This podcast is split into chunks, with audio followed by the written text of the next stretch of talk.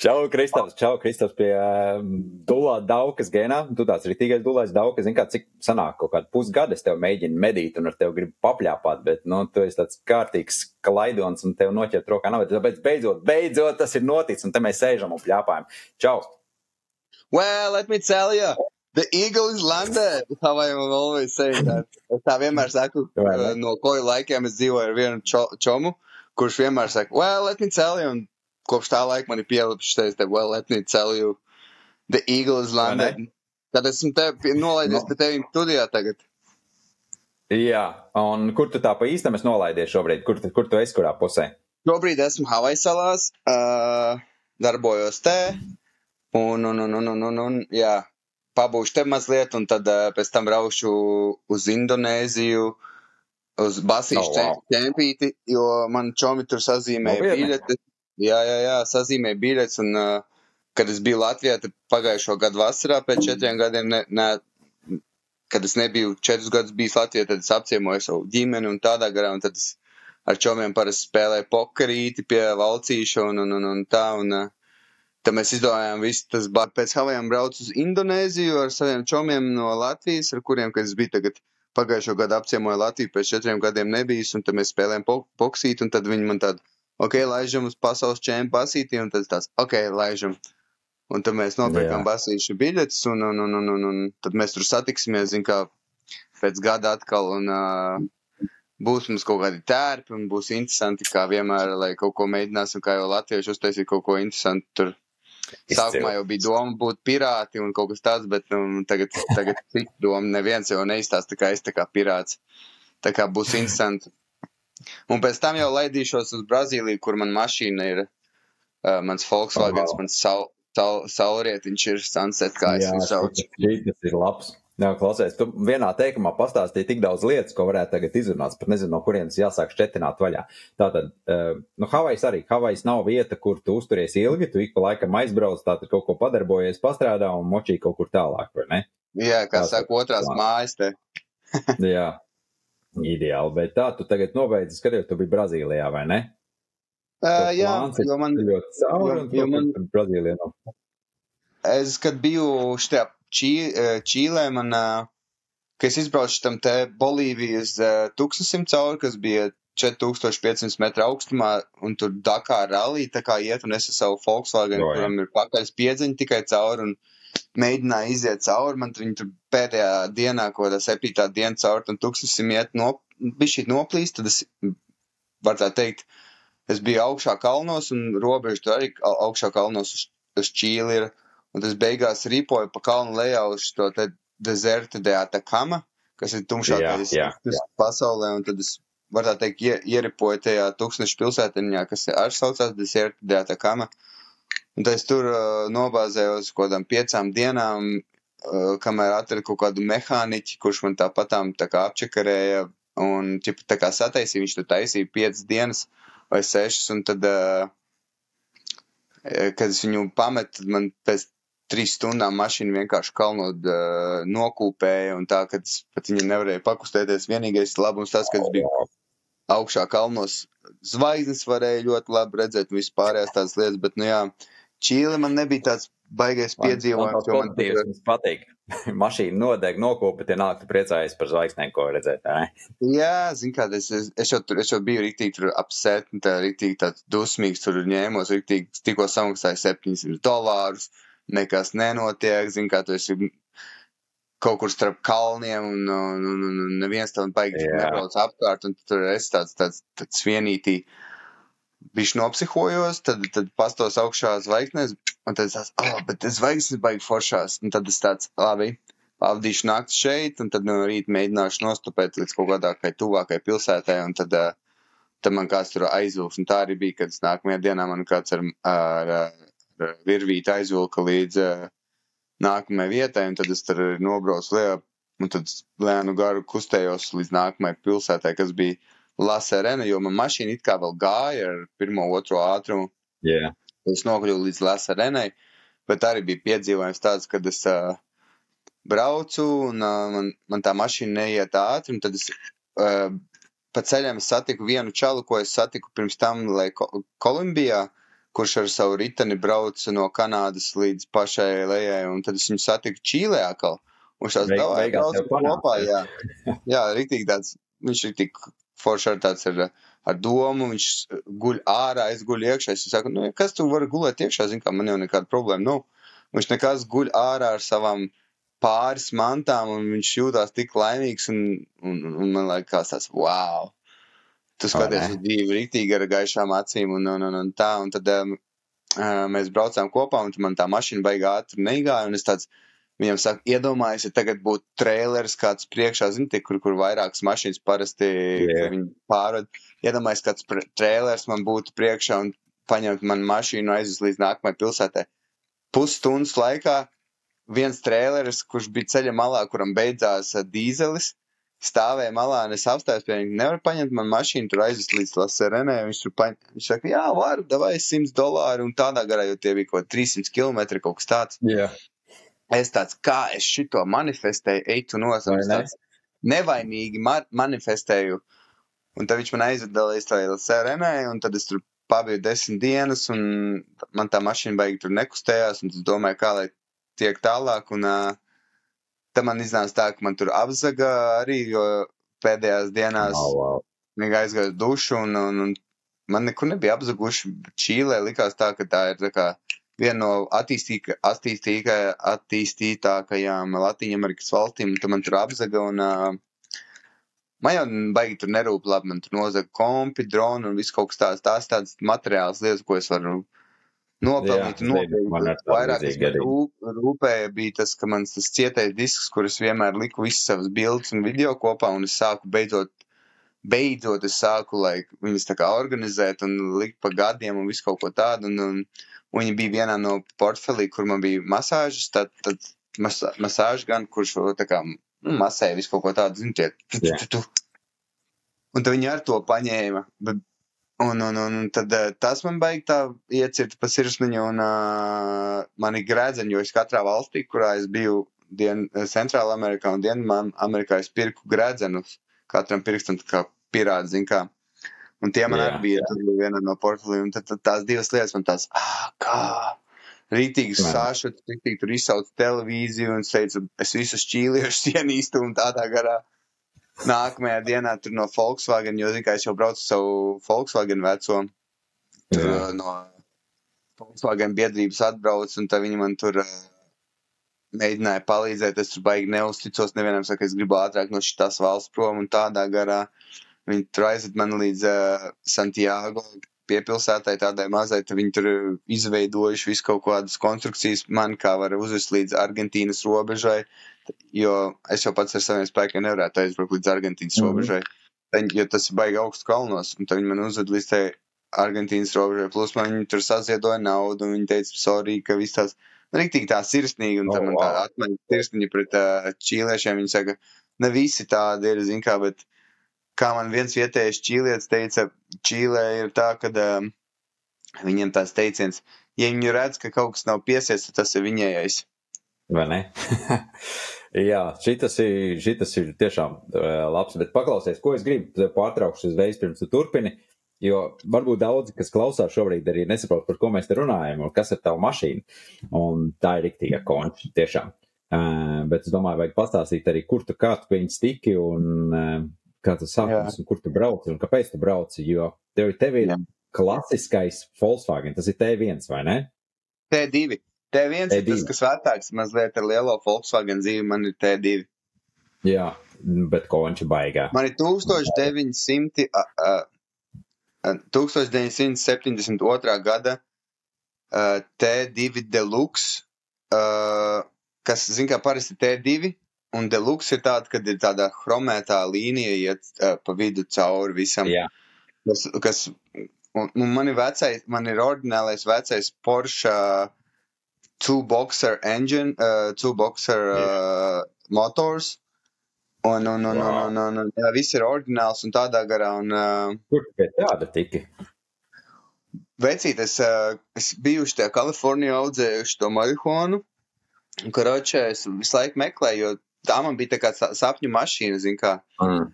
jau kopš bērnības es zināju, ka lai man kādu mašīnu piedāvātu Lamborghini, es vienmēr izvēlēšos tādu, ja man būtu izvēle, ko izvēlēties.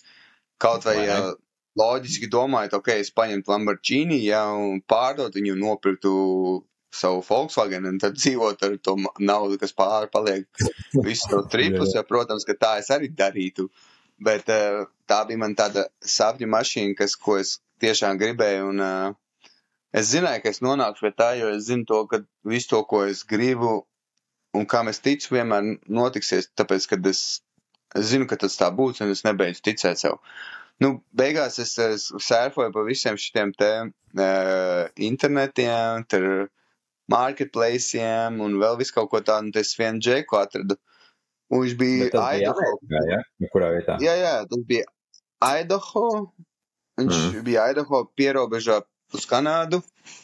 Viņš teica, jā, zināmā mērā man tur čoms arī, kas tur mēģināja nosist cenu, jo viņam tur bija kaut kāds septiņa pusštukas, jā.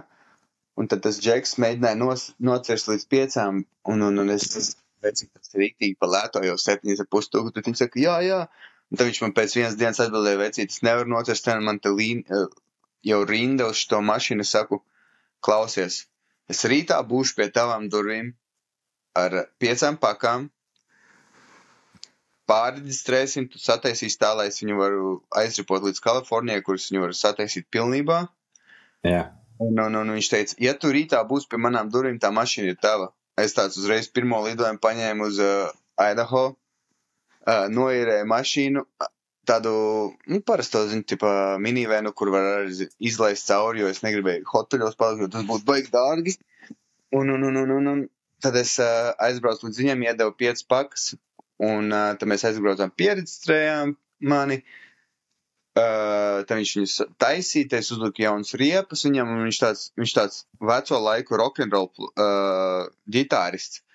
Oh, jā. bijušas problēmas ar narkotikām, visu kaut ko tādu, bet arī bijis tā, ka viņš cauri Amerikai brauc, bet ne ar to mašīnu, bet ar citu mašīnu, bet viņš tāds pastījās uz mani, viņš saka, es saprotu, ko un viņš pastījās uz maniem tā, ka viņš reāli zina manu dvēseli, un viņš zina, ko es... Ja tavējos pazīst, vai ne? Jā, un viņš ik pa laikam man uzrakst, o, tu jau esi tik tālu, o, tu jau esi tik tālu, zin kā mēs retu reizi. Un tagad, kad man tā mašīna tika aplaupīta, man nozaga oriģinālos dokumentus, tā kā man šajā reizē, kad es kad esmu oh. Amerikā, man vajag tikt līdz Idaho un mēģināt dabūt atkal oriģinālos dokumentus, ja tas būs iespējams. Ja nē, tad man jādomā kaut kāda jauna feature, vai nu jāpiereģistrē tur Brazīlijā un jādabūja Brazīļu mm, uh, dokumentu. Nu, kaut kas ir jāizdomā, bet, nu jā, es viņu dabūju to mašīnu Idaho, kas ir augšā pie Kanādas, var tā teikt, robežas, un tad uh, braucu, kad es dabūju to mašīnu, rīktīgi laimīgs atceros, visu tur pa ceļam rāda, visāds tur pigors, es rīktīgi lēni braucu, un cits man aerē blakus, zin, citā mašīnā, bet nu, tās emocijas no citiem jā, jā. cilvēkiem, viņi ieraug to mašīnu kaut vai viņi lēni un uz to satiksmi tur bremzē, bet viņi var smaidu sejā, es viņi, viņi, viņi redz, ka to bremzē, un tad es nokļuvu līdz Kalifornijai, kodās divās dienās no Idaho. Tam man tur čomi bija pazīstami viens mehāniķis, viņš man tur sataisīja motoru pa trīs uh, štukām tur ieguldīju, un tad es beigās to interjeru un tā kā iekšu sataisīju pats. Un oh, uh, pats ar šitām te uh, pušamajām krāsām nokrāsoju. Tā kā, un tad es jau viņu nolakoju, un, un tā man viņa tur kustējās, vēl paņēma līdzi krāsu, zin kā par retam piekrāsot kaut ko mazliet, un, uh, un lai tā, lai viņa visu laiku tāda skaista un stīgā, bet, nu, tagad, kamēr viņa Brazīlijā, es viņu tagad um, pie tā džeka, kurus viņu aizvedu, kurus apstājos to stāciju, ka es nokļuvu līdz Argentīnai, ja, un tad no Argentīnas robežas ripoju lejā līdz Mendozai, kas ir pirmā pilsēta lielā, yeah. un uh, tam man, no Mendozas es uh, atradu vienu citu uh, kur var uzlikt uz uh, traileri, aizsūtīju līdz Buenos Airesai, tad es paņēmu pats autobusu, aizbraucu līdz Buenos Airesai, un tad no Buenos Aires man vajadzēja tikt gar robežu augšā līdz, uh, gar Urugvaju, līdz uh, Brazīlijas robežai, kas saucās Urugvajana. Man vajadzēja uh, stopēt mašīnas uz ielām, un tad man pagāja kāds mēnesis, kamēr es tiku līdz tai rožai, un tur tikai bija 600 km. Mazāk wow. nekā mēnesis pārspīlēja, bet nu, tur cits tur paņem 10 km, cits tur paņem like 100 km, tad man tur gadījās uh, fūres, kas tur no Paragvajas braucu no, no Argentīnas uz Paragvaju, tad viņi man aizsūtīja līdz tai robežai. Nu, tad es tur kūlos, kūlos, kamēr es tiku līdz tai robežai. Un tad Brazīlijas robežā man bija tā, ka es nokļuvu tur, man tur viens, čom, viens džeks uh, aizvilka, bet tas nokārtoja tos dokumentus, un tad uh, vienīgais deals bija tas, ka man jātiek ar pašu spēkiem, jo tas ir likums, tas Pats smieklīgākais bija tas, ka es to mašīnu stūmu pāri robežai, jo viņi man neleca, jo man tur motors uzgāja gaisā un aizdegās uh, mazliet. Un tas operatīvi pirms tam viss tur nozēs un tādā, bet es viņu vairs nevarēju pielaist. Un tad es to mašīnu stūmu pāri Brazīlijas robežai. Līdz tai pilsētai, un tad es nokļuvu līdz benzīntankam, jo Brazīlijā es nostupēju līdz pirmajam benzīntankam, kas ir laik 5 km attālumā no robežas, un tad es tur tajā benzīntankā pavadīju, var tā teikt, nedēļu, gaidīju, ka kāds mani yeah. nostupēs, man bija zīmes, viss kaut kas, un beigās viens yeah, Brazīlijas, jo viņi vajag daudz nerunā angliski. Un viens Brazīlis man vienkārši teica, ka uh, Brazīlijā nav atļauts uh, vilkt mašīnas aiz, aiz muguras, un tam man nācās atkal meklēt kādu, kas man uh, aizsūta no Brazīlijas tās pierobežas līdz Porto Alegre, kur man tas čoms, ar ko es šķērsoju Panamas kanālu no Panamas uz Kolumbiju, viņš bija, viņš ir ļoti kā populārs sacīkšu braucējs, un tad es to mašīnu aizgādāju līdz viņam, un tad tagad sastāju pie viņa draugiem garāžā, kuri to motoru man mēģina sataisīt, bet redzēs, kā būs, jo baigi grūti dabūt tās vecās rezervdaļas vai arī ieliks jaunu motoru, bet kaut kā grūti šķirties no tā vecā motora, jo man vajag labs. Un, un tad es jā, vēl pie reizes, kā es tagad uh, mēģināšu pārkrāsot to mašīnu un iekšā izdarīt, uztaisīt atveramo jumtu un uzlikt soli.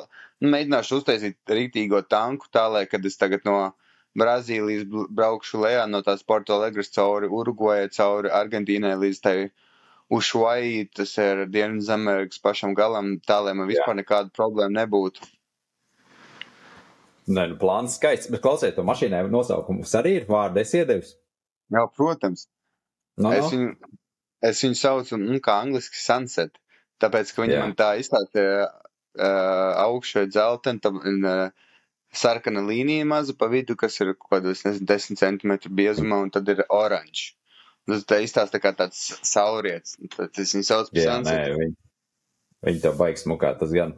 Nu, tie, kas nav redzējuši, noteikti aiziet sociālajos tīklos, paskatieties, baigi labs. Smuks. Bet e, tu tagad stāsti, klausos tos stāstus, tās emocijas, un, zini, man ļoti līdzīgi. Es jau arī kādreiz Meksikā nopirku to veco vaboli. Es nezinu, vai tu esi redzējis, vai tas bija kaut kas tāds. Mazo, mazo vabolīti. Jā, jā, jā, jā, veco, veco Volkswagen vaboli. Viņa bija 80. gada. Viņa tur ražo. Ko? Viņi tur ražo uh, tās mhm. vecās vabolītes un uh, ražo, būs viņas vairāk, vairāk nē. No, un to jau arī tā jau ar man bija tāda. No ātrāk tur pa, pa, pa 70 viņi negāja, no kalna lejā kaut kāda 85 yeah. laikam. Durvis yeah. kā Lamborghini, tur tāda grafitī, tādas melnas liesmas un tad riktīgi stilīgā. Un tieši tas, ko teicu, cilvēki brauc māju, tur eh, kaut kādi šitie te. E, armijas militārie posteņi, tu atceries, Meksikā arī tāda pilna, zin, kad viņi stāv. Oh, jā, jā, jā. Lodziņu atrulēja vaļā, baigi nopietni ar viņiem, tur, runāšu parasti, jo man ir tur open jokes kaut kāds vietējais ar viņiem, uh, tur, lai, lai visi tādu uzreiz saprast, ka savējais. Un uh, tad jau viss kārtībā, ka viņi prasa man kāpt ārā, zinu, un tas durvis var vaļā. Džekit, wow, kas tas tāds tur ir, wow, krusta. Uh, tā kā arī vajag, un, un, un te jau saprotām, vecajām mašīnām ir tāda veisela, vai ne? Viņam ir pilnīgi Protams. savādāk. Tāds skaists. Es iekāpu tur nekā nav, tur vienkārši plasmas gabala. Vecajās ma mašīnās ir tā, tā odziņa, tie, tas stils iekšā, tā dvēseli, kā tu saki. Piemēram, vecajos Mercedesos tu tur iekāpa, ka es atceros kādreiz, kas tur iekāpa tur krustāva mašīnā visi tie koka izstrādājumi, viss tāds, nu, tāds mājīgums sagādā. Ar jaunajām mašīnām vienkārši kaut kāds pelēks plasmas ielikts, vai kaut kāda radio, kuram televizors un aiziet. Vispār nekāda, liekas, ka tā mašīna ir domāta tā, lai tev no punkta A līdz punktam B nogādāt, un tad tu strādā tā kā tāds slēviņš. Zini, kā rekur tev arī, tu jau arī brauc problēmas visu laiku, tev lūst un brūk un kaut kas. Bet es domāju, tev ir tieši tas pats arī tev prasīt vēlreiz. Ja tu zinātu, ka tev tādas pašas problēmas būtu, tad braukt ar viņu vēlreiz. Viņu zinu, ka man tā bija. Nu, es, es man viņa tiešām katru otro dienu kaut kas viņai notika. Logtīrītā nestrādāja, gaismas tuvās nestrādāja, bremzes ik pa laikam pazuda. Un tur visu laiku elektronika kaut kāda, nu, cik viņai tā elektronika pat tā tur pazuda brīžiem. Nu, tur bija šausmas, bet Nu, es vienalga braucu. tas- bija tāds vecīt, tur skaists. nekāda elektronika nav. Vai ne? fāzes, priekš, priekš, nu, rādio man nestrādāja. Pamaini un viss. jā, jā, jā. Zini, kā man bija īstenībā, es tas laikam arī domāju, nu, kad es pirku mašīnu, man bija iPads, un es tur sakačāju kaut kādus tur meksikāņu dziesmu. Domāju, o, braukšu, klausīšos tur meksikāņu dziesmiņas, tur noskaņāju, zinu, pa Meksiku ceļoju cauri. Jā, Un eh, beigās bija tā, ka pa visu to ceļojumu, tur kaut kāds divus mēnešus braucu, un es nereizi neieslēdzu. Jo beigās tā, tā mašīnas dūkoņa, tā skaņa, tā bija mana mūzika, un es ar viņu tur runāju. es tieši tev gribēju to teikt.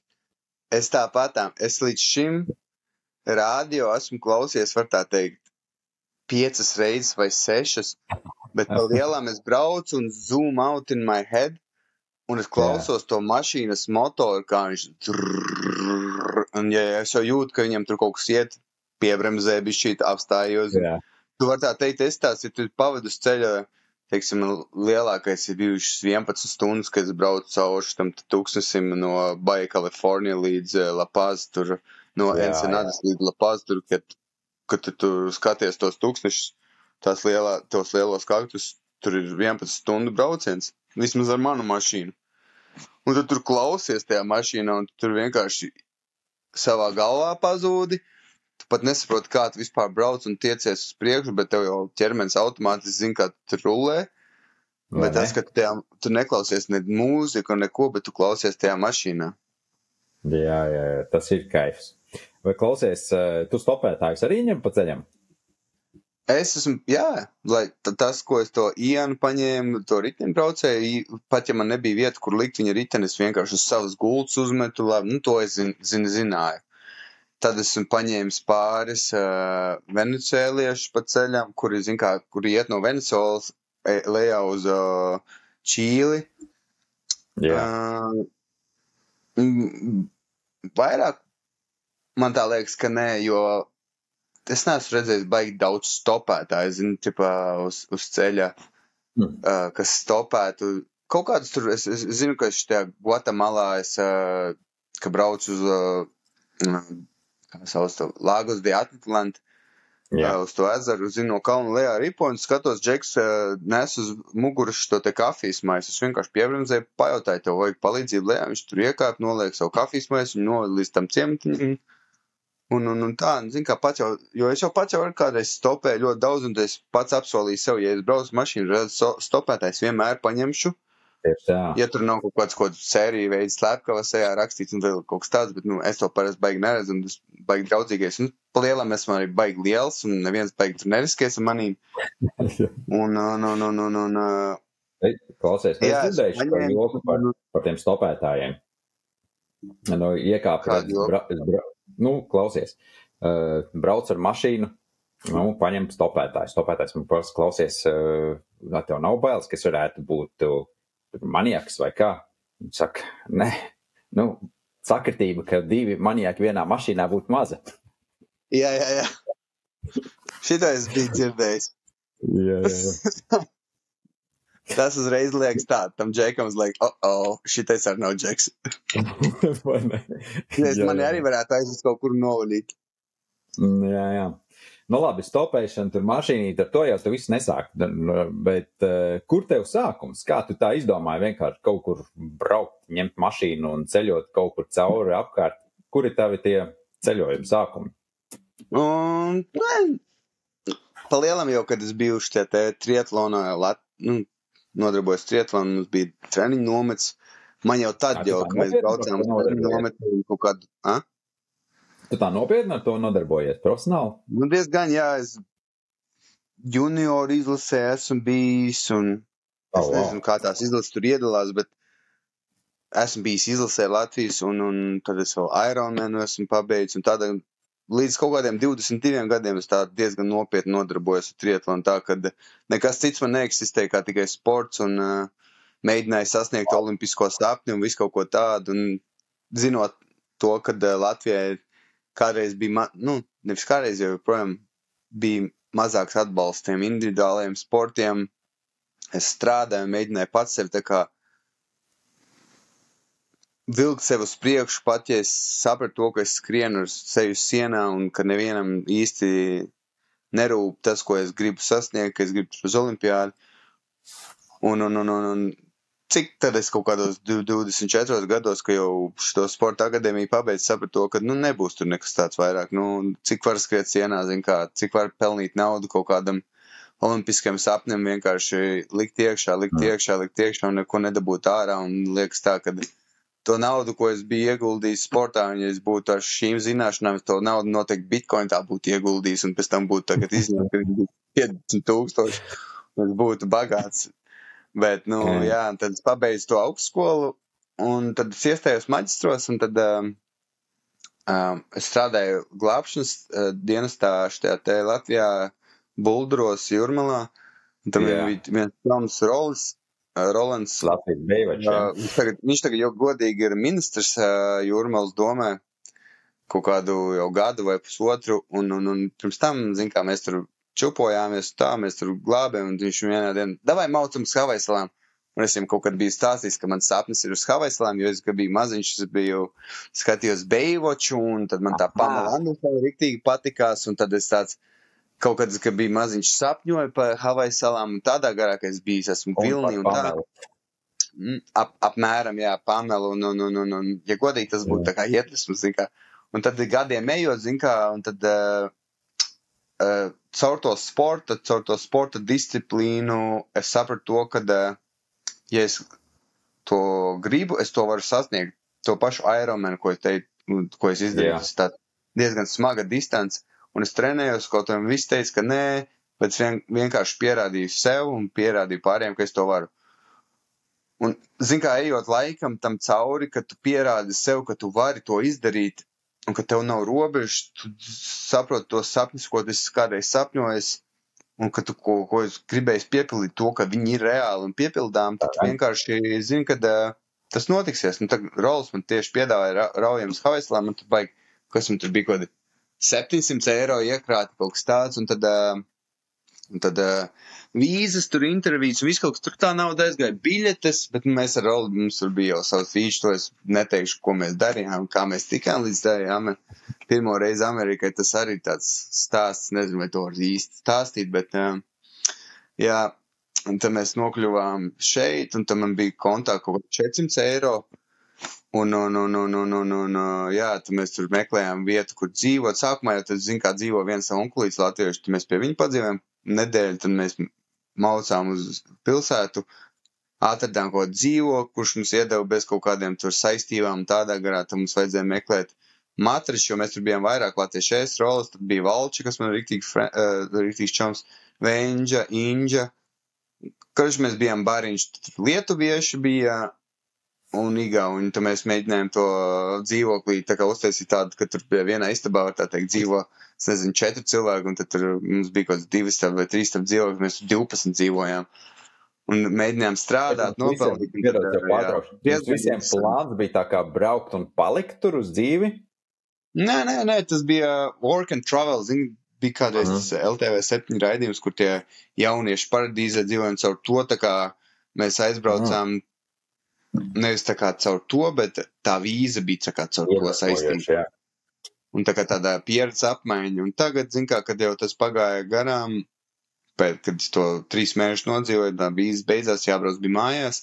Protams, es nebraucu mājās, man bija kaut kādi 500 eiro iekrāt, es uzreiz taisnu aizšāvu šo te Spāniju, un tad no Spānijas es stopēju lejā līdz Latvijai, bet tas nebija tā, ka es pa taisno stopēju. Spāniju, tur Franciju, tur krastu, tad es aizšāvu pie savas čomenes, uh, uh, vienas meitenes, mana čoma māsa, zina, zemeni, uh, kādreiz bija iesauga, bet tā liena, tad viņi tur ir apprecējusies. Reitē futbolā? Jā.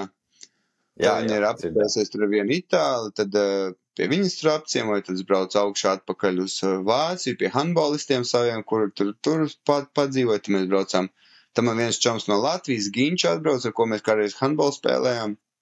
Tad mēs ar viņu no Amsterdamas freaking ceļojām cauri visai Amsterdamai, Vācijai un uh, Polijai. Nu, arī piedzīvojums tāds, ka mēs tur beigās jau, kad jau oktobris nāk, tu zini, kā guļam Polijas šitie tā fūri piesnātnē mūsu telts reāli sasalus, un mēs izkāpjam tādu, ko darīt. Aizējām uz bārčiku, paņēmām 100 grams ieraujam, paliek siltāk bišķi, un tad mēs tur stopējam. Diezgan interesants piedzīvības, jo godīgi tas man bijis ir viens no labākajiem ceļojuma laikiem, ne tikai tas, kā ar manu čomu ginču, bet uh, tās sajūtas, ka es no tās Spānijas raugoties atpakaļ šobrīd, man ir telefons, nekā man bija parastais poģinieks. Es, es gāju uz šiem te benzīntankiem, skatījos kartē, kuras esmu, kādas man pilsētas ceļu. Prasīju kartonu, prasīju, lai es varu uzrakstīt burtus, nu, tā kā pilsētu nosaukums. Es stāvu ceļu malā, vienalga, kuras nokļuvu, es nezināju, kuras nokļūšu, kur, kas mani savāks, kuras piecelšos, nu, vispār tādas lietas. Tā ir patīstama sajūta. Ideālākais laiks, kas bija vienkāršākais laiks. A tagad ar visām tehnoloģijām ir tik vienkārši, jā, jā, es tur braucu, pastāv tur, uzrakstu to un braucu. Nu, tā interesantība pazuda, tā, tā, tā odziņa. Un, tā, jā, jā, tie piedzīvojumi no ceļām bija līdzīgi. Jā, man arī, es arī stepoju. Nu, pirmie, pirmie gadi īstenībā, kad es sāku ceļot, tieši tas pats, ka, nu, tu nezini, neko tev viss ir savādāk jāplāno. Tagad tik elementāri. Zini, tā rupinājot, jebkurš var būt ceļotājs tagad. Vai, ka, vai visi varēja būt ceļotāji kādreiz? Tās situācijas bija daudz savādākas, daudz grūtākas, daudz, protams, informācija nebija, vairāk komunikācija. Edz, tu pieminēji veselu baru tiem čomiem, ar ko jūs aizbraucāt uz Havaju salām. Cik no viņiem turpināja ceļot, un cik no viņiem aizbrauca mājās pēc tam? Nu kā mēs visi aizbraucām mājās, mums tā vīza beidzās, zin, kā tajā pirmajā reizē, bet, uh, Jā. uh, ik, like, Rolis palika mājās, bet tad viņam, pro, protams, tagad ir ģimene un vispārējais, zin, kā valcīts arī, zin, tie čomi, kāža vēl bija tāds riktīgi, man riktīgi zolīdais čoms, ar ko mēs tur uh, vienmēr tusējām, un viņš vienkārši tāds bija pa vidu un mūžīgais tāds solve the problems. Jā. Mēs viņu saucam kažu fāteri. Tas arī aizbrauca šādi tad pa laikam, divreiz viņš aizbrauca uz Havaislām, pēc tam, pēc tam, zin, kā mēs, es ik pa laikam, jo es biju aizbraucis mājām, un pa ceļam, kad es darīju to, kad braucu caur Eiropu, jo es pat rakstīju maģistra darbu, un maģistra darbu laikā man oh. bija uh, man bija, es rakstīju par pludmales glābēju psiholoģisko sagatavotību, un, un mans topiks bija beach lifeguard, psiho, no, es vēl aizmirsu. In, in extreme situation. Kamēr tu stopēji paralēli? Jā, jā, es, eh, es, es oh, wow. stopēju ar krastu un visiem devu šos te testus, lifeguard Havajās tie yeah. devu un tad vēl tur. Un tad man beigās bija tāds tā kā avots, no kā es varēju uztaisīt to savu uh, maģistra darbu un aizstāvēt. Un tieši iznāca tā, ka es atbraucu mājās, uzrakstīju darbu, aizstāvēju un tad uh, iestājos uzreiz doktorantūrā, un tad pēc, tad, kad sākās doktorantūra, es tur pavadīju vēl kādu pusgadiņu mājās, un tad uh, es, man piedāvāja novadīt lekciju, un tad es sapratu, kad es sāku vadīt lekciju stāstu to psiholoģiju un kaut kādu tur topiku stāstu par ko, un es tajā mirklī, kad es stāstu, es vienkārši aptvēru to vienu momentu, es tāds, es vēl tagad atceros, es kā pasniedzējs tagad stāvu, un es iztēlojos sevi desmit gadus stāvu uh, kvadrāta telpā. Es palieku vecāks, bet uh, visa tā, visa generation change, visi, visi mainās, zin, kā es redzēšu, laik jaunas sejas, jaunas sejas. Yeah. Un tad es jautāju, vai es to gribu, vai es gribu pavadīt savu dzīvi, skatoties, kā cilvēki mainās, un es redzu to generation change. Un es teicu, mm. fuck no, Es ne, nebūšu tas, kurš tur un novecos tur. Uzreiz mm. nākamajā dienā es paņēmu biļetes uz Šrilanku, padzīvoju trīs mēnešus tur, pēc tam man bija vīza nokārtota caur uh, arī, zin kā, kā jau latviešiem, tur jau nedod visas vīzas. Yeah. Normāli, piemēram, Igauniem tur tu vari braukt work and holiday vīza, uz Austrāliju, bet man vajadzēja uh, tā kā student vīzu, tam man vajadzēja maksāt ekstra naudu, lai es tikai varētu aizbraukt uz Austrāliju. Neko aizbraucu uz Austrāliju ar atkal kaut kādiem 500 dolāriem. Mm. Padzīvoju pirmās divas dienas beigā uh, ar savām somām. Tad man tur satikos Čons, teica, oh, jā, davai, te, tur ir backpacker hotels, aizgāju uz turieni, uh, padzīvoju tur par 70 dolāriem divas dienas, domāju, tas pat traku. Tad viņi man piedāvāja strādāt, nevis piedāvāja, pa, pajautāja, vai es varu strādāt for recommendations, un ja tur patīk. Jā, tajā pašā hostelī. Mm. Un uh, pastrādāt for recommendation. Un, tā kā es pastrādāju, un es varu dzīvot tur, un tad meklēju paralēli citus darbus. Jā. Un, un, un, un, un, jā, un tad tur, un tad es vēl šeit pludmales glābējos, tur mēģināju tikt iekšā pastrādāt, tur sākumā iznāca, un tad jau beigās tur nesanāca, jo tur sezona bija beigusies, un tad tur vairāk nepiedāvā, zin kā viņiem jau ir tur vasaras sezona, tur jau otrādā. Ko? Jā, nu, nav jau sezona, neviens nepeldās, nav jau ko glābt. Nu jā, zin kā tur viņam, viņiem, kad mums ir ziema, viņiem ir vasara karstākais laiks, un kad viņiem paliek, ka mums ir vasara, viņiem sākas ziema, un tajā ziemā tiešām tā, ka tur tajā Gold Coastā, kur jūs dzīvojat, paliek vēs, un, un tie pludmales glābēji ļoti rēti ir, tas nav tā kā Latvijā, zin kā, ka ziema, un tāpat es atceros, kad mēs bijām pludmales glābēji, mums tāpat bija vajadzība, bija jābūt ziemas laikā, teiksim, es biju bulduros, un uh, vai majoros, un tad tur, mēs, mēs sēdējām, mums vajadzēja skatīties kaut kādus tur tā, jo mēs jau strādājām tur kā caur policiju, mums bija jābūt, ja mēs redzam tur cilvēks, kurš iet ar sunīti, teiksim, caur pludmalē, mums vajadzēja iet un sodīt, bet es ne, nevienam līdz šim nebiju iedevis sodu, tāpēc man liekas, ka viņam nepatīk es baigi daudz, bet, nu, jo manā uztverē glābējiem ir jāglāb cilvēku dzīvības, nevis jāsoda. Vai ne? Jā, bet uh, par to peldēšanos un ziemu. Tu man liekas, pat ziemā aizpeldējies arī, vai ne? Jā, jā, mums te bija Latvijas čempionāti, Latvijas uh, Jālgavā un vis, vis kaut kur citur kuldīgā, man liekas, arī mums ir bijuši Liepā, jā. Tam bija tā, ka uh, otrā vietā, un tā pa otrām vietām tur bija viens džeks, kurš no Jālgavas labāk peldēja mazliet maniem, tad tur sekundes simtais vai sekundes, zin kā tur tad jā, tad es katru, pat jau skolā es ar savu to istabiņas biedru mēs gājām, cirtām āliņģi, bābi lītē un taisījām un peldējāmies tur. Mēģinājām pārējos, kas tur tur džeki no kojām, zin kā, lai, un tad mēs tur bijām varbūt trīs, četri. Es, Ansis, Kāža un vēl pārēji, kas tur šā tad atnāca. Mēs daži, pat pa dienu nesanāca laiks, zin kā tur kaut treniņu vai skolu vai kas.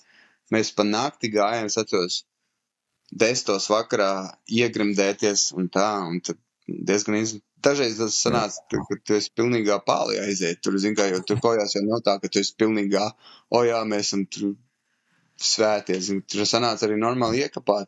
Un tad, davai, ejam, peldēt, davai. Un tad tā arī. Jā, jā. Ziemas peldēšana, kāp- kāpēc tev prasīja galvenokārt? Zini, kā man liekas, es klausos tev tur disciplīnu, taču tomēr nopietns sportists un tā, un tā ziemas peldes un pārējais. Bet tagad ceļojot šitādā, te, nu, tiešām tev tas komforts, saprot, nav diezgan tik svarīgs. Tu tiešām vari dzīvot tādā skarbā vidē, un, un vienalga, tur, nu, kā sanāk, tā sanāk, ir ok, un ir labi. Bet tas tev ir kaut kā norūdījis arī, un tas rūdījums, teiksim, nu, metaforiski. Tas augstais ūdens un ziemas vēl disciplīna no tava Ironmaniem un tas, un tas viss tev iedevis kaut kādu tādu, to stingrību tev Protams. visos tev. Bet ne jau ķermenis, viņš, viņš ir nav jau ķermenim iet.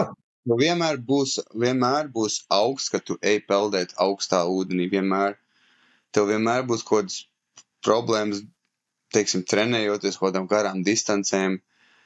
Bet viss jau ir tikai galvā.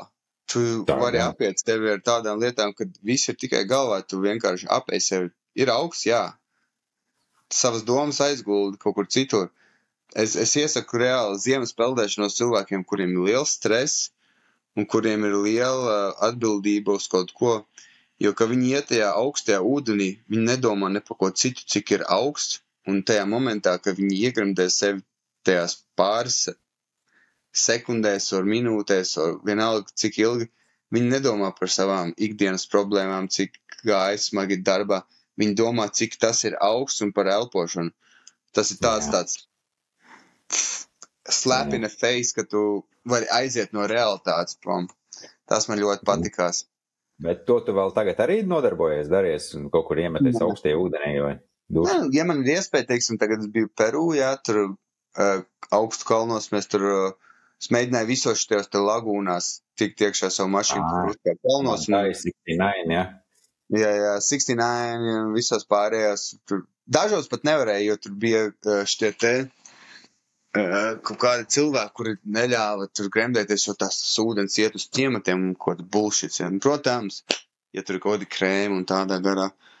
Bet, nu, neko nevar teikt, zin, kā vietējai kultūrai. Bet, nu, jā, es vienmēr esmu mēģinājis iegremdēties visos ūdeņos, kur esmu bijis. Klausies, Titika kā noģumī arī. Tītikākā. Ah, Jā. Peru? Ir braukt garām, nu jā, nu Peru vai Bolīvija. Jā, Nu, tur, tur taču augsts arī bija. Nē, Jā. tas ir. vai Tītikākā, tas ir tas leiks, jā?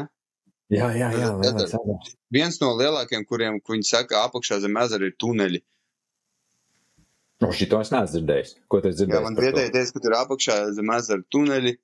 Un visāds tur stāsts, protams, ka Peru ir diezgan tāda, liekas, tāda, uh, wow, amazing place, kur tu pat nevari saprast, kā tas varētu būt tur kaut kur pa vidu, kalnos, kaut kādi izcirsti, be, perfekti, es Jā. nezinu, veidojumi, tāpat tā siena, kur tā uh, portāls, jā, wow, vienkārši tā. Puna, Kā puna tas- punku droši vien tur nav, vai ne? Vai, uh, tu redzēji arī es ieliku, palikt, man liekas, uh, Instagramā man ir tas postiņš arī, kur es netālu no Maču Pikču, starp citu, pie, nu, svētajā ielējā, tur vienā iekāpa arī tādā, nu, baigi dīvainā vieta.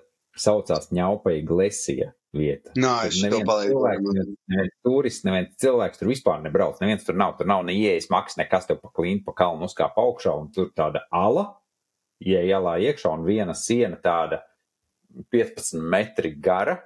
Tā kā klintī vienkārši. Viņi izskatās nevis kā izcirsta, bet manā uztverē viņi izskatās tā kā iespiesta, perfekti gludām malām, tāda tā kā portāls, jā, kā saka. Un tad vēl tur vairākas būs tāds ārkārtīgi mistiska vieta. Un tādas Peru ir pilns, pilns, pilns, ļoti daudz. Peru ir mistiska vieta. Peru. Labi, kad, eh, kad mēs bijām, eh, kad es biju aizbraucis to pašu Peru, kā- kāds saka, kur bija Inkas, es aizmirsu nosaukumu, Maču Piču, jā. Baigi Jā. spiest uz visiem turistiem, tur bija mēģina no turistiem dabūt nežēlīgo piķi par to, ka tu stundas Jā. brauciens ar vilcienu un nereāls, plus vēl tur rindās jāgaida un viss, lai tiktu iekšā. Jā. Tas vispār nightmares. Un tu pat Tas vēl nezini, vai tu vispār tiks iekšā. Plus vēl visi busi, kurš tev uzved uz kalnu, un tad beigās saproti, ka, tu, lai nokļūtu Peru, tev jāsamaksā vismaz ir ā, turp šurp biļets ir 130 dolāri, plus vēl ielas biļeti 40, plus vēl 10 busiņš, tad divi Jā. sotek, un tā liekas, wow. Starp divi, starp divi un trīs sotek tur sanāk, jā, maču pikču tur lētāk. Jā, un ja tu mēģini to lēto, zini, ja pat tikt, un tur savādāku variantu nav, un tad, ja tu vietējais esi, tad viņi tev tur to, to vilcienu, tas vilciens jau ir pats dārgākais, bet, gan, bet ir, jau, ir jau tas inkas ceļo, eh, in, inkas haiks, kas Jā. ir kā no otras puses eh, no Maču Piču, kad uzkāp paši augšā, kur inkas dzīvoja, kas tie paši, paši nozīmīgākie cilvēki bija, ka viņi tur, jā, tu ciematiņš apakšā, bet kur inkas paši augšā dzīvoja, tas jau ir savādāk. To es gribēju izdarīt, bet nu, to es neizdarīju. Nekas, kaut ko atliku nākamajai reizei. Visam savs laiks tieši tā. Nākamreiz, nākamreiz. Bet tev ir kaut kāds plančiks tāds lielais, kur tu gribi vēl, ot, kas ir tāds checkpoints, kur tev ir jāizbrauc, jāizdara vai kaut kas, kur Man jau, teikt, man, pasaulē, pasaulē, es domāju, daudz vietas, bet te pašā Dienvidamerikā šobrīd. Mm, Zini, kā es aizdomājos vienu dienu, kad uh, par ceļošanu un redzēšanu, redzēt visas vietas. Mēs nekad dzīvē neredzēsim pilnībā visas vietas uz pasaules, tāpēc, ka tu redzi tikai cik, cik tu redzi. Tu vari būt uz vi- vienā vietā, bet tu redzēsi vienu, bet tu nepagriez, nepagriezīsies uz vienu pusi, tu neredzēsi nekad to otru pusi. Tāpēc te nav nekādas iespējas redzēt pilnībā visu pasauli. Tu vari kaut kādus sev galvenos punktus, tur kaut kādus apskatus objektus, jā, mistiskās lietas redzēt. Nu, zin kā, zin kā es pateiktu, zin kā katram cilvēkam mums tomēr ir kaut kādas tās vēlmes. Viens grib redzēt baznīcu, viens grib redzēt ezeru, cits grib redzēt ūdenskritumu, citam ir svarīgi cilvēki vai tirgus. Nu, katram tas savs, tev ir kaut kāda fīčiņa, ko tu meklē tajos ceļojumos. Pēc tā jau nu, vairāk daba. Nu, es teiktu, ka daba un tie mistiskums, daba un dabas skati un mistiskās lietas, tas, kas man vairāk pievelk, es gribu redzēt visus tos mistiskās lietas un dabas Jā. skatus, tās nereālos lietas, ko cilvēks pats nevar uzbūvēt. Tas man tā... šim, ko es redzēju, ir tāds krūtākais dabā un, un uh, mistiskākais. Mistiskākās un krūtākās vietas? Peru ir diezgan interesanta, nu, tā visā valsts. Nu, Kolumbija, uh, Gvatemala ir diezgan tāda Gvatemala ir viena no manām mīļākajām, tādām iespaidīgākajām vietām. Es varētu teikt, ka tur uzkāpa šie te fuego, redz to vulkānu, kā viņš tur moči augšā pēc 20 minūtēm. Liekas, tas labs haiks, un plus to tu vari palikt tajā augstkalnē, un tev vīnu iedod, un tev šokolādi iedod, un vēl paberu, un vēl visu kaut ko, un pat tiem parūpēs tikai 50 dolāriem. Tāds, tāds, diezgan tāds vērtīgs haiks. Zini, kas man teikt, Gvatemalā patīk, viņi nav sačakarēti vēl līdz galam. Tur tas turisms tāds ir, bet viņi ir tādi, nu, viņi kādi ir, tā viņi ir. Nu. Lēnāk, zinu, kur viņi čakarējas, un es sapratu to, ka es arī esmu viens no tiem fucking čakarētākajiem. No. Čakarētākajiem. Zini, tas ciematiņš. Jā, Lagos de Atitlants. Jā. Forša vieta, tiešām tāda mierīga, lokāla. Tā, ka tu redz, ka tur forši, nu, tā, ka vēl tas vecais saglabājies, ir tas vecais. Cilvēki iet kalnos, meklēt sievietes, iet malku, lai aizkūrtu savu krāsu, uztaisītu ēst, un džeki strādā kafijas plantācijās kalnos un tādā garā, un, un, un tie trīs vulkāni, kas ir augoties pāri ezeram, vienkārši iespaidīgs tas ciemats skats, jā. Bet es jau redzu, es jau jūtu tas, tajos ciematiņos sāk ieviesties tas hipija gars, tur tulumu variants, zin kā tur sākās jā, jā, jā. spirituālie cilvēki, kuri pārspīlēti, kuri Un, un es esmu spirituāls arī, bet es neesmu tik ļoti, ka es tur pilnībā visam. Un, un tas spirituāls manī apstājās tajā momentā, kad es redzu, ka viņi ir nopirkuši to zemi, uztaisījuši to savu kafejnīcu vai vienalga, ka vietējie priekš viņiem strādā un tur iznēsā un viņi tur. Un man liekas, ka vietējiem nevajadzētu neko darīt citu labā, un liekas, ka viņi tur gatavi par naudu, jau kādu tur darīt tas tā skumīgi, zin, kā gribētos, lai viņi saglabā. Protams, tas viet, vietējai ekonomikai uzlabo, zin, cilvēki nopelna naudu, jā, bet vai saglabāt to savu vietējo estētisko, et, estētiskumu, mm, diez vai, bet, un, un tagad skatos pēc pāris gadiem, es laiku, kāpēc teicu, ka esmu viens no tiem sačakarētājiem, tāpēc, ka es Instagram arī lieku post, nu, tā kā Insta stories un tādā garā lieku lokāciju, kur es esmu, cilvēki redz, un tad tur es redzu caur saviem čomiem, kurus es satiku tūmā vai vienalga, kur viņi arī sāk likt, un es redzu, ka tur sāk parādīties vairāk tie hipiji, vairāk tie spirituālie cilvēki. Un tad tā kāda buržuļa izplatās, zin, viņiem jau ir nauda, teiksim, tiem amerikāņu spirituāliem, viņi tur, teiksim, viņiem nav ko darīt, ja viņiem vecāki ir bagāti, viņi tur aizbrauc, paņem zemi, tur taisa visādas kaut kādas tādas mistiskās foršas lietas, viņi taisa, protams. Tā gan, jā, bet. bet viņi tā, tā vieta uzreiz zaudē savu to es. Mm -hmm. Es tev, es tev saprotu, tādas vietas ir daudz. Tu, tu pats pieminēji arī to pašu tulumu. Nu, ļoti labs piemērs, kāda tuluma bija pirms desmit gadiem, kādas viņa atceros un kā viņa tagad. Visi par viņu runā, viņi stāsta tikai tāpēc, ka viņa, nu, visi grib braukt. Bet, nu, tur no tās īstās vecās tulumas jau vairāk nekas nav. Tagad mēs visi braucam, tāpēc, ka viņi ir Instagramā populāri. Un tāda ciematiņa jau daudz. Ir, nu, Galvenais, lai tev uz galvas platmale, lai uz galvas tev platmale, liels amalets, drēbes, kuras plēj uh, vējā brīvi plūst, un tad tu tur iedaries, zin, kā tur spēlē kādu instrumentu un gudi runā. Vispār tur, piemēram, kaut kāda kafijas ceremonija vai šokolādes ceremonija, tur man prasīja 30 dolārus par to, ka dabūnu tādu mazu gramiņu šokolādes dziras un tāds, what the fuck, es lai, kurš šitais iet, tas ir.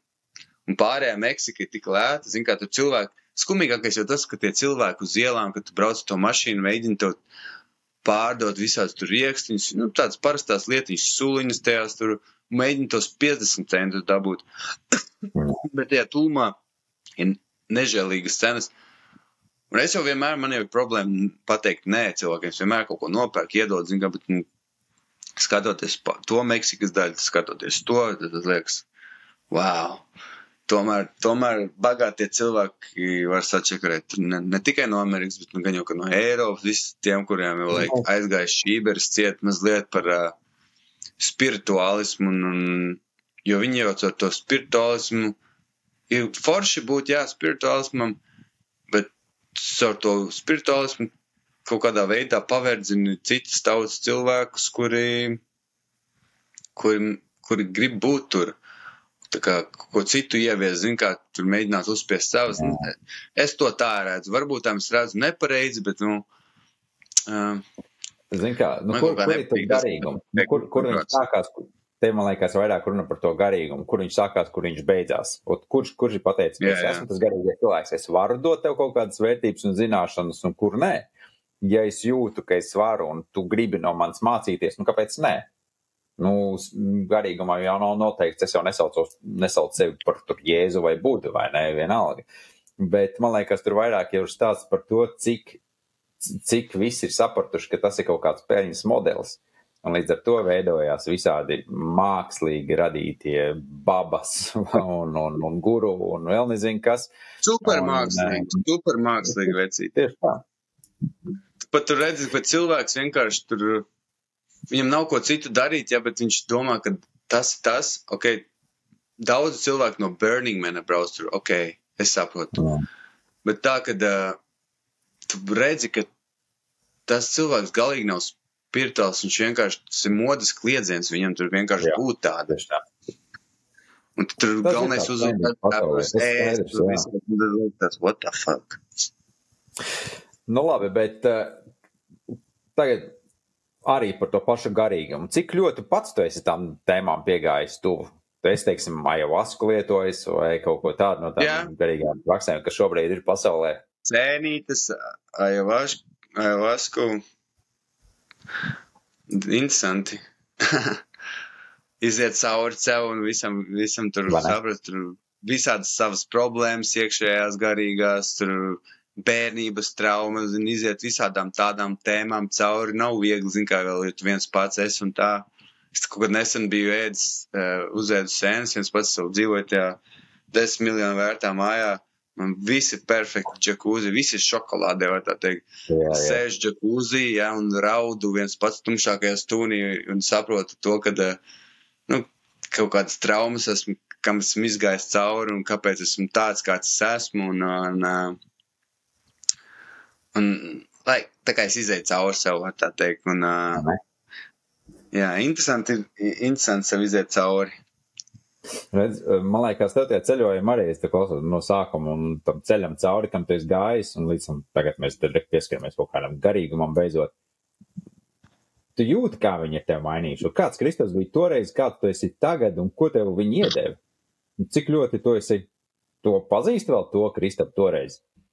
Ceļo, ceļ, kas ceļojuma laikā ir iedevis? Nu, ceļo, protams, ko tie ceļojumi kā tāda, tā pasaule, tur pavērās Jā, un pavēra tevī kaut ko tur.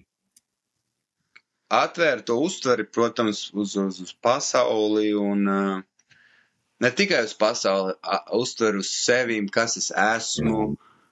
Es pro, nu, tagad kaut kad pēdējais tāds, kad es biju aizdomājies, es, izdo, es sapratu to, ka es esmu Dievs. Un, un nevien, esmu Dievs pats sev. Tieši tā. Un, un, un to, ka uh,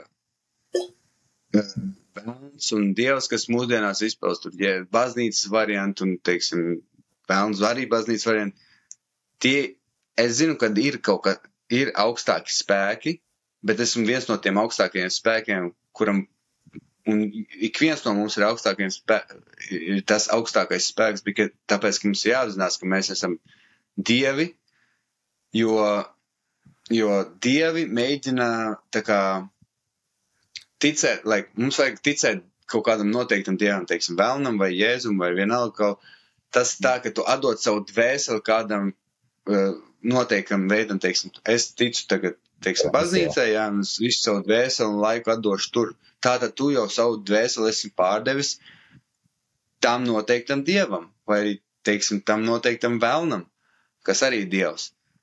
Tikai cita veida dievs. Mhm. Un, un, un, un, un es sapratu to, ka es savu dvēseli nevienam nepārdodu.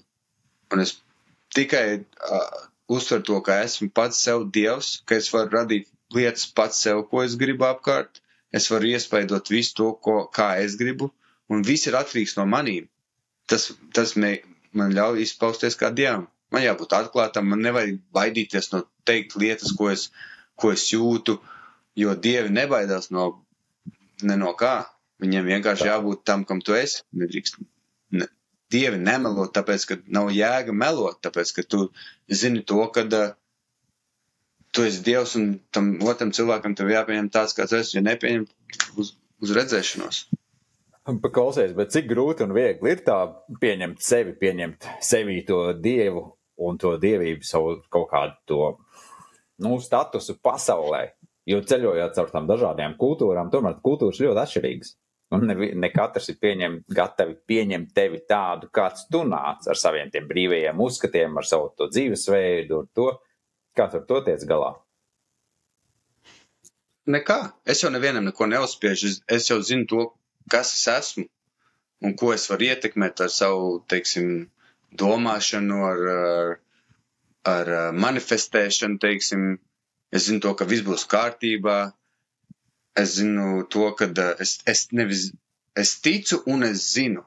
Zinu, kā ir cerība, kā es teicu vienā citā podkāstā, ir mīkstajiem. Tev nevajag cerēt tev vajag zināt, ka, ko Jā, tu gribi, un ka tu to sasniegs. Tu, mm.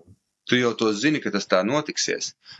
Mm. Un, piemēram, visu, ko esmu līdz šim darījis, es zināju to, ka tas tā būs, teiksim, Havaju salas, tad mašīna, tad es ceļošu caur Dienvidameriku, tā paša Austrālija, tur Āzija, nu, tagad es mēģināšu tikt, nevis mēģināšu, bet es zinu to, ka es nonākšu līdz te Ušuai, es, es tikšu uz uh, Antarktīdu, ko es ļoti gribu, Un to es arī darīšu.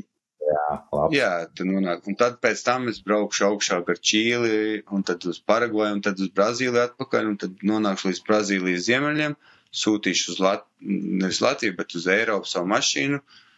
Un uh, kaut kādā veidā, es nezinu vēl kādā, es zinu to, ka es kaut kādu naudu nopelnīšu vai dabūšu, un es nopirkšu jahtu. To, ko es gribu ko es zinu, ka tas tā notiksies. Es nopirkšu jahtu, no, wow. ceļošu Āzijas jūru. Un tad tu tīri metīsies no ceļiem nost, bet pa jūras ceļiem apkārt pasaulē. Jā, kaut ko citu, zinu, kā es esmu piedzīvojis tos ceļus, un man, es zinu, kā tas ir, es zinu tās sajūtas, tāpat kā es, es, es kādreiz stopēju. Forši sajūta. Stopēju tālāk, teiksim, es stopēju cauri Austrālijai, stopēju ziemas laikā no Toronto līdz Kalgarī, līdz Vankūverai un vēl kaut kur tur man divi mēneši caur Kanādu es nu, iztopēju. Jā, forši, bet es jau zinu, kāds ir un ir forši stopēt, tur satikt tos cilvēkus, bet tu jau zini, kāds ir. Tagad man tā mašīna bija, tu zini, kā, cik tu ceļo savu mašīnu. Kāpēc, lai es tev neatvērtu durvis uz nākamo opciju, ko tu vari ceļot pa ūdeņiem? Nu, tā ir arī kaut kāda ceļo, ceļošanas veids. Skatos, piesakoju Facebookā vairākām vietām. Ha? Es kādā posmā vismaz braucu laivu kaut kur gājis, kaut kur. Jā, jā mēs tur, uh, tur glābšanas dienestu mums tur viens Džeks Pēteris, diezgan pieredzējis Džeks un uh, advancēts uz jahtām, un tad mēs ar viņu tur bijām aizbraukuši no Latvijas līdz Roņu salai. Jā. Ir interesanti tā. Ir, protams, tā ir plānošana, plānošana. Viens tas ir, ka tu ceļo ar jahtu galvenais un, un, un saprast, ko tu dari uz tās, tā kuģi, tev jāzina savs kuģis. Un, un es domāju, tur nekādām problēmām nevajadzētu būt. Viss ir iespējams. Zini, kā tev tas ultimate plāns beigās ir palikt par to īsto pirātu? Kāds plāns? Tas galīgais plāns, tev cepuri ir pa pirātu, un par tiem pirātiem visu laiku te runāt, beigās, nu, redz, sapni piepildījis pirātu pasauli. Es jau dziļi, sirdī esmu pirāts, zin kā, pirātam nav nekad bijušas mājas. Viņš vienmēr ir kaut kur klīdis, tāds klaidonis, kaut kur zelts ir noslēpts, zin kā, es arī tur naudu netur vienā vietā, es tur vairākās vietās. Jā. Interesanti. Es, es vienkārši negribu. Uh, es nevienam nepārmetu, kā, kāds dzīvo. Es vienkārši negribu to dzīvi. Es neredzu sevi kā kaut kādu ģimenes cilvēku pagaidām, vai arī kā ir bērni un tādā garā. Es vienkārši tam neesmu gatavs, un uh, es to ļoti labi apzinos. Tas galvenais. Zini, kā man liekas, dzīvot šajā saskaņā ar sevi, tas jau ir svarīgākais. Un tad go with Jā. the flow. Skaties, tev kaut kāds plāniņš ir, un skaidrs, ka tev viņš ir. Tu, tu, tu esi tāds cilvēks, kas viennozīmīgi iejūg pūlī, man liekas, ļoti ērti. Tev tur nav. O, jā, easy. Nu, Es nebaidos, zinu, kā es ar to enerģiju, tā, tāpat kā man bija šī te Meksikā, jā. Es braucu, un tur es zinu, ka kartels man priekšā stāv, jo tur novilka ķēdes, No, no, tur noziedot, un, un, un Mioči Hamā, zinu, tipa tur, kur trakākā karteļa vieta. jā, jā, Brauc jā. tālāk. Divi, divi šitie te džipi stāv priekšā, astoņi džeki ar automātiem. Es tāds, ej, tu dirst. Tagad būs interesants tāds savā galvā, ok, tagad nedrīkst izrādīt bailes, vienkārši es tāds kāds esi, pofīgi. Un tad uh, viņi tur atver, tur, es jau vispār spāniski, tur piecus vārdus zināju, tur, es tur kaut ko savu pasi rādu, vēl kaut ko tādu. Viņi vispār Latviju tādu neatzīst, lai nezinu. Es viņiem saku, Jā. uh, saku, ser, kad ir Ruso. O, oh, Ruso, jā, jā, jā. Viņi domā, ka es straight up krievs esmu. Un tad uh, vispār bez nekādām problēmām vēl kaut ko ierēcu, uztaisu bildes ar viņiem. Nu, Viņi tādi sakarīgi cilvēki, zin, kā tas, ka Jā. vienīgi. Un viņi, tad, nu, viņi mani redzēja to, ka es nebaidos no viņiem. Nav tā, ka es tur trīcu kā lapa, zinu, un, un, Jā. un domāju, ko, ko man tagad darīt, jā. Mm. Tā gan. Šī rekorda man ir arī tas jautājums, te viens, ko iepriekšējais viesis man sagatavo nākošajiem. Un viens par tiem jautājumiem tieši bija par to, ka vai tev ir bijuši kaut kāda situācija, kur liekas, nu ir pakaļā baigie sūdi un viss, un viss ir slikti, un beigās pagriežās tā, ka, ev, bet īstenībā tā tam bija jānotiek, un viss ir krūta. Tas varētu būt viens no šiem, vai tev vēl kaut kāds ir tāds gadījums? Tu atceries tavs Nu, reiz. jā, tas kartels, tas, tas tā mazāk, man liekas, ka vairāk bija tas, ka man tā mašīna aizdegās uz ceļa un noplīs, un kad es domāju, nu, es sūdi, viss jau, jo es esmu redzējis Instagramā citiem Volkswagen aizdegās, viņiem tur viss ceļojums ir apstājies, viss jau ir. Visi Mm. lauzās, un esmu tāds, kas nepieņem sakāves. Es, es vienmēr domāju, kā, kā tikties uz priekšu, un es redzu, ka man tā mašīnas motors degas, viņa tur nodzēs, un tādā gājā es domāju, viss dirsā ir. Jā. Bet beigās es tur, tas, tas stopēšana ar tām mašīnām, es tur ieguvu jaunus draugus no Paragvajas, tur, tur šitos te uh, big truck drivers, un uh, satiku daudz cilvēkus, un, un, un beigās nonācu līdz tai vietai korektā laikā, kad tieši sacīkstes bija tam manam čomam, ka viņš tieši no Amerikas atbrauc tā, lai varētu uz sacīkstēm. Beigās iznāca viss tā, nu, tā, kā tam bija jānotiek, un kaut vai Jā.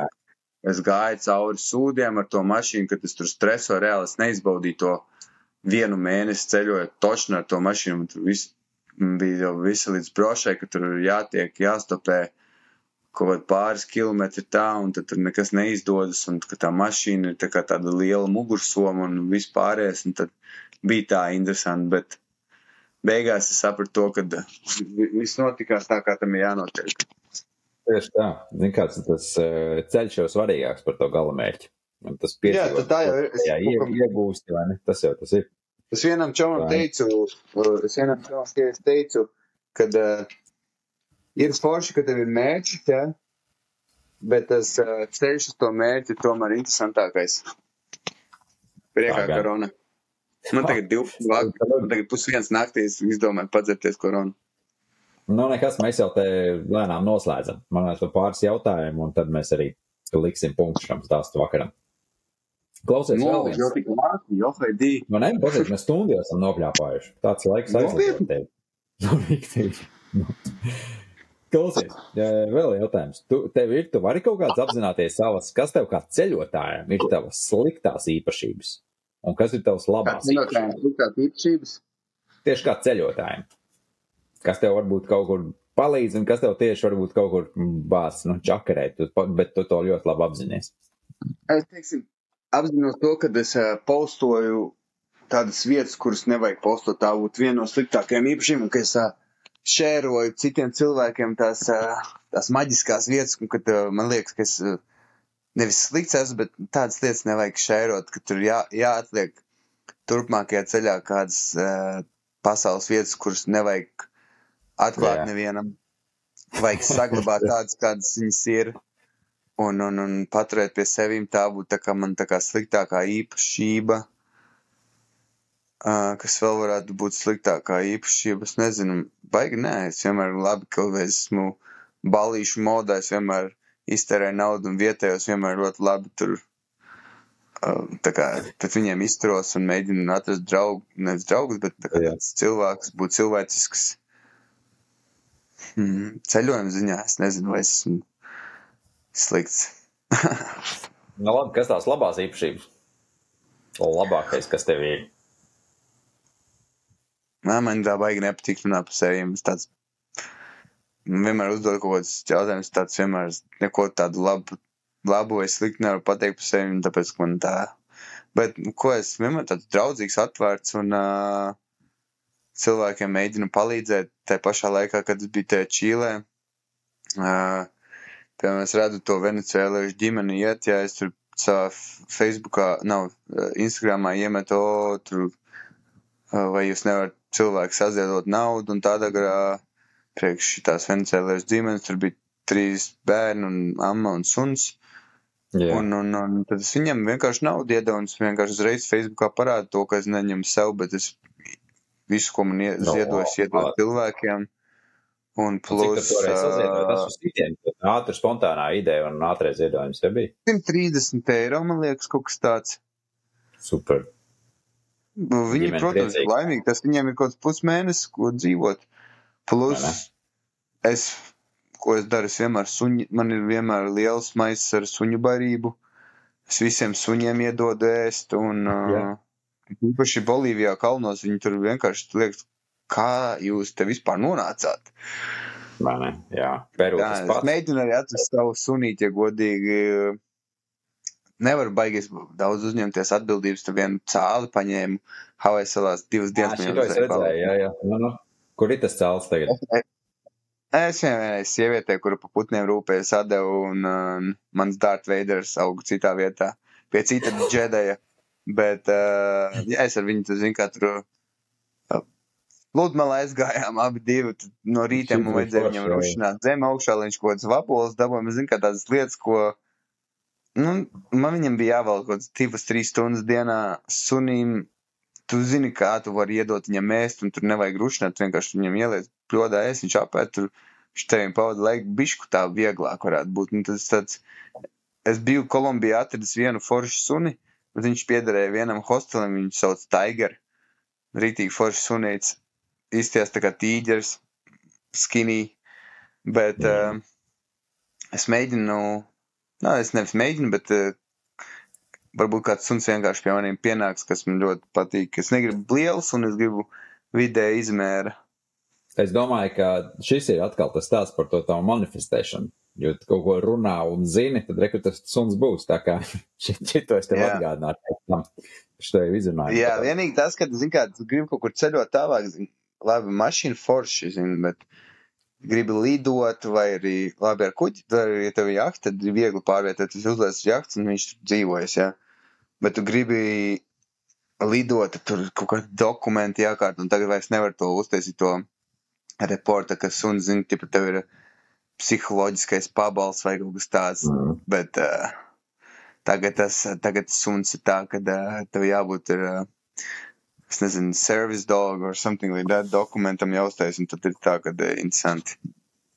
Nu, nekas, ja būs vajadzīgs, tev tas suns, suns tev atnāks un būs. Tā kā es domāju, ka tas ir visi laika jautājums. tev to kompāniju tur vajag, tev uzsākt. Nu. Ideāli. Labi, klausies. Uh, ir kāds jautājums, ko tu varētu uzdot nākošajam viesim? Ot, es tieši šito tagad eh, domāju, ka man tas šito jautājums un būs tāds. Jo tu man šito pateici kaut kādā desmit minūtes atpakaļ pirms šova, un ja es domāju, jautājumu, ko varētu uzdot, viņš tāds, oh man, mm. I'm very bad with the questions. Uh, nu, ko es varētu pajautāt? Uh, vai ir bijušas tādas situācijas, ko nožēlo, ka tu esi tur bijis? Mm. Tā kā tu Labs, gribētu jā. izmainīt, zini, tā kā, zini, kā, ka cilvēki domā, o, jā, es gribētu savu, es negribētu būt šeit, bet gribētu iz, izmainīt kaut kādā citā veidā šo, nu, tā kā, ka nožēlo kādu situāciju, kurā tu esi bijis kaut kādā Jā, jā. posmā, kad, kad, tā kā, negribētu tur būt. Vai ir tādas situācijas bijušas? Zini, kā man te, man te dažiem ceļotājiem bija tāds stāsts, ko es klausos, domāju, laikam baigi negribēju viņu tādās būt, bet, nu, kā noteikti, noteikti. Zini, kā, galu galā tā jau tāpatās ir pieredze. Bet, nu, Protams, un tu neko nevari izmainīt savā dzīvē. Tas, Nu, kas ir tā. noticis, vienkārši Bet- jā, nu, jā, jautājuma pēc. tieši tā. Ļoti labs jautājums. Super. Nezinu, kas būs nākošais viesis. Tā kā tad redzēsim jautājumu uzdošu, padošu te ziņu, ko stāst. Davai, Labi. Kristā. Super. Liels tev paldies. Lai tev iecels Havajās un uh, lai pēc tam esi atpakaļ ar mašīnu un visu čoku, un jums tur smuks ceļojums tālāk ir. Galvenais piesako, kas, kas skatās šo radio, piesako man Instagramā, tad redzēs uh, Noteikti. figūru, ka tikšu vaļā uz atpakaļ uz Brazīliju. Jū, jū, tur tev baigi labi stāst. Man patīk. Tev tiešām brītīgi krūtas bildes un stāst un storija. Viss tev inčīgi ir. Turpin. Labi. Paldies. Davai. Tā jau sazināsimies vēl mošku no Ušoājas. Kad būs. Davai, vecīt, paldies, ko uzaicināji uz interviju. Tev arī ir diezgan interesanti šie stāsti, kas nevis stāsti, bet bildes, kas skatos, man patīk, ka tu iedvesmo un pavēl cits cilvēks ceļot ar un ka tur viņiem parādās vietas, mēģina atrast kaut kādu domu gājienu, kā es tur pirms intervijas teicu, ka tu par to upi un, un, un kokiem, kad runā, kad uh, viņi grib augt ātrāk, bet, nu, notiek tā, kā tam notiek. Un, un, un tev arī novēlu visu to labāko, lai tu močī uz priekšu, un lai tev ir cilvēki vairāk, kas seko līdzi, un ka tev, kad eh, viņi pavalkās tavām idejām, un kad viņus var iedvesmot, un ka viņiem mainās tas dzīves skatījums, to tev novēlu. Wow. Liels paldies tev, Aitīt. Tiešām. Paldies. Tev vajadzēs turēt. Čau!